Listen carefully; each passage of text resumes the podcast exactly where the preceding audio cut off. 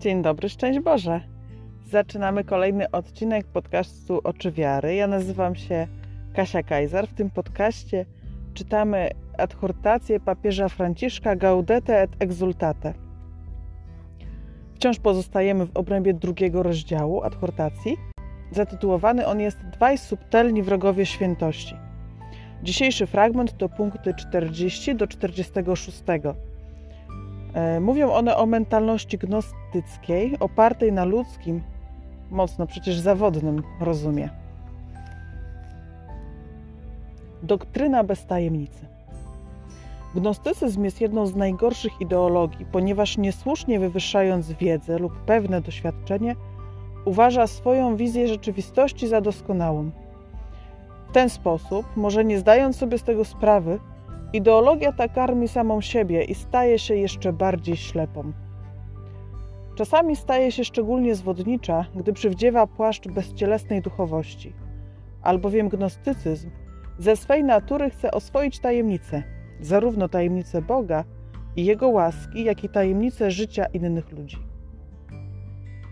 Kiedy ktoś ma odpowiedzi na wszystkie pytania, pokazuje, że nie podąża właściwą drogą – i możliwe, że jest fałszywym prorokiem, który używa religii dla własnej korzyści, w służbie swoich elukubracji psychologicznych i mentalnych.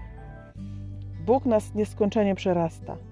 Zawsze jest zaskoczeniem i nie decydujemy o tym, w jakich okolicznościach historycznych można go spotkać, bo nie od nas zależy czas i miejsce i sposób spotkania. Ten, kto chce, aby wszystko było jasne i pewne, usiłuje zapanować nad transcendencją Boga. Nie można też próbować określać, gdzie nie ma Boga, ponieważ jest On tajemniczo obecny w życiu każdej osoby. Jest obecny w życiu każdego w taki sposób, w jaki tego chce. I nie możemy temu zaprzeczyć naszymi rzekomymi pewnikami.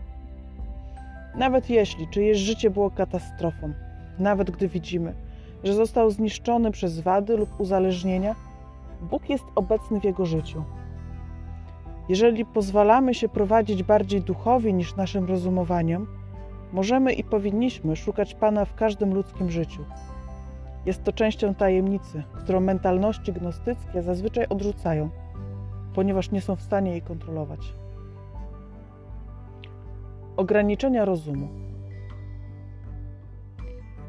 Prawdę, którą otrzymujemy od Pana, możemy pojąć jedynie w sposób bardzo niedoskonały. Z jeszcze większą trudnością udaje się nam ją wyrazić. Dlatego nie możemy udawać, że nasz sposób rozumienia upoważnia nas do sprawowania ścisłego nadzoru nad życiem innych. Chcę przypomnieć, że w Kościele współistnieją zgodnie z prawem różne sposoby interpretacji wielu aspektów doktryny i życia chrześcijańskiego, które w swojej różnorodności pomagają lepiej wyrazić niezwykle bogaty skarb słowa. Oczywiście ludziom tęskniącym za monolityczną doktryną, bronioną bez żadnych wyjątków przez wszystkich, może się to wydawać jakimś niedoskonałym rozpraszaniem. Jak to zwykle bywa, niektóre nurty gnostyczne lekceważyły i bardzo konkretną prostotę Ewangelii i usiłowały zastąpić Boga trójjedynego i wcielonego pewną wyższą jednością, której znikała bogata różnorodność naszej historii.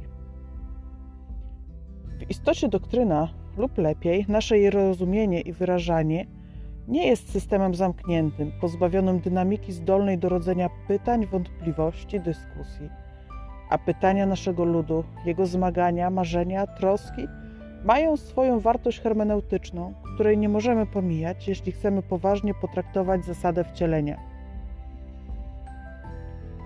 Jego pytania pomagają nam zadawać sobie pytania.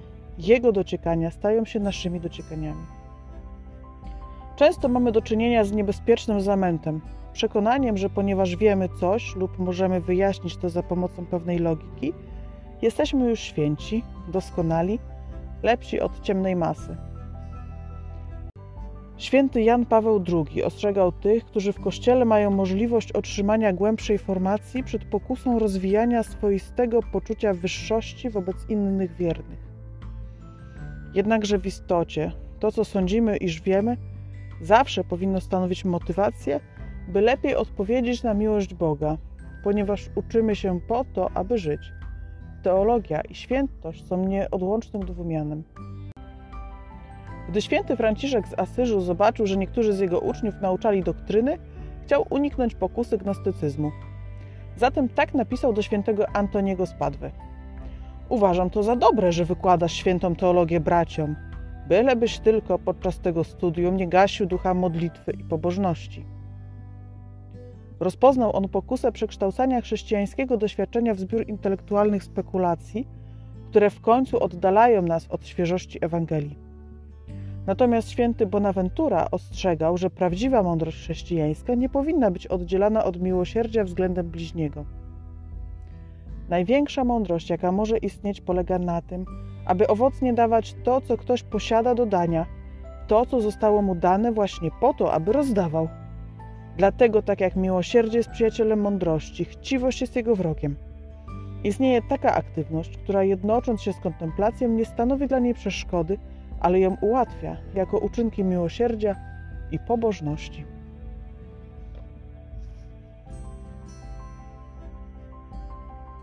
Wow, wow, wow. Piękny fragment. Patrzę na czas y, czytania. Mam nadzieję, że nie za długi. Właściwie byłoby mi bardzo miło, gdybyście dali znać, czy te odcinki są za długie, za krótkie.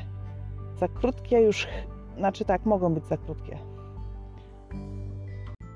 Papież przestrzega przed wywyższaniem pewnej wiedzy lub jakiegoś doświadczenia i przed takim myśleniem, w którym my myślimy, że nasza wizja e, chrześcijaństwa jest doskonała. E, przestrzega przed próbą oswojenia tajemnicy Boga i innych ludzi. W ogóle przed zapomnieniem, że gdzieś jest tajemnica i że tak naprawdę wiele rzeczy w tym Bożym świecie, w tych boskich rzeczy, jest przed nami zakrytymi przekraczają nas w sposób nieskończony. Na tym polega transcendencja, że Bóg jest ponad wszystkim, co my możemy widzieć, a i też ponad tym, co możemy pomyśleć. Jeśli masz odpowiedź na każde pytanie, nie podążasz właściwą drogą. Bóg nas nieskończenie przerasta. Bóg zawsze jest zaskoczeniem. Ten, kto chce, aby wszystko było jasne i pewne, usiłuje zapanować nad transcendencją Boga. Bo piękny jest ten fragment, w którym papież mówi, że Bóg jest obecny w życiu każdego człowieka, nawet w tym życiu, które było katastrofą. Słuchajcie, ile my takich żyć znamy, ile razy myślimy o tym, że ktoś coś sobie przewalił i zrobił źle i w ogóle zatracił wszystko. A papież mówi, że że nie nam jest decydować o czasie i miejscu spotkania, a nie nam jest decydować o tym, gdzie Bóg jest, a gdzie go nie ma. I mówi o tym, że Bóg jest obecny w życiu każdego człowieka. Jeśli pozwalamy się prowadzić bardziej duchowie niż naszym rozumowaniom, możemy i powinniśmy szukać Pana w każdym ludzkim życiu. Jest to częścią tajemnicy, którą mentalności gnostyckie zazwyczaj odrzucają ponieważ nie są w stanie jej kontrolować. Kontrolować. Tak, to wygodnie byłoby mieć jakiś taki wskaźnik, który pokazuje poziom uduchowienia tej czy innej osoby. Kiedyś się spotkałam z takim pytaniem, które mnie wbiło w ziemię. Mianowicie ktoś mnie spytał o inną osobę, czy jest wierząca. Ja mówię, że tak. Ale czy jest tak bardziej wierząca? Trochę zdziwiła. Mówię, że, że no ja, ja, ja nie wiem, co to znaczy bardziej wierząca. No, czy chodzi do kościoła codziennie, czy nie? Mówię, no nie, codziennie to nie. A nie, to nie jest. Aha. Aha. Łatwy wskaźnik, łatwy miernik i niestety, ale niewłaściwa droga rozumowania. Nasz sposób rozumowania nie upoważnia nas do sprawowania ścisłego nadzoru nad życiem innych. Dlaczego? Bo nie jest doskonały. Nie jesteśmy w stanie w pełni pojąć prawdy, którą otrzymujemy od Boga. A to niewiele, które rozumiemy, trudno nam wyrazić słowami. Mówienie o Bogu, o wierze, o prawdzie wcale nie jest takie łatwe. Wcale.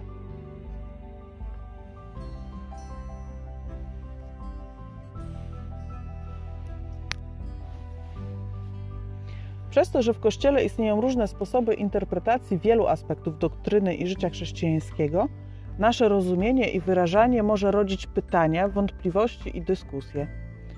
W rozumieniu doktryny jest też dynamika. Bo inaczej rozumieliśmy doktrynę tysiąc lat temu, inaczej 500 lat temu, a inaczej dzisiaj. Bo Kościół też dojrzewa. Papież ostrzega przed niebezpiecznym przekonaniem, że jeśli już coś rozumiemy i możemy wyjaśnić za pomocą pewnej logiki, to już jesteśmy święci, czy jakoś w ogóle lepsi. To bardzo niebezpieczne, szczególnie dla osób, które otrzymały w kościele pogłębioną formację, albo dla takich, co papieskie adhortacje czytają. Słuchaj, bardzo Ci dziękuję za wysłuchanie tego odcinka.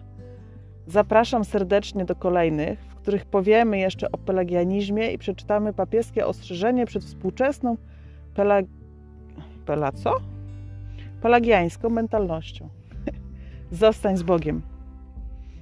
To był podcast Oczy Wiary. Podziel się tym odcinkiem ze znajomymi. Pomóż w rozwoju tego projektu.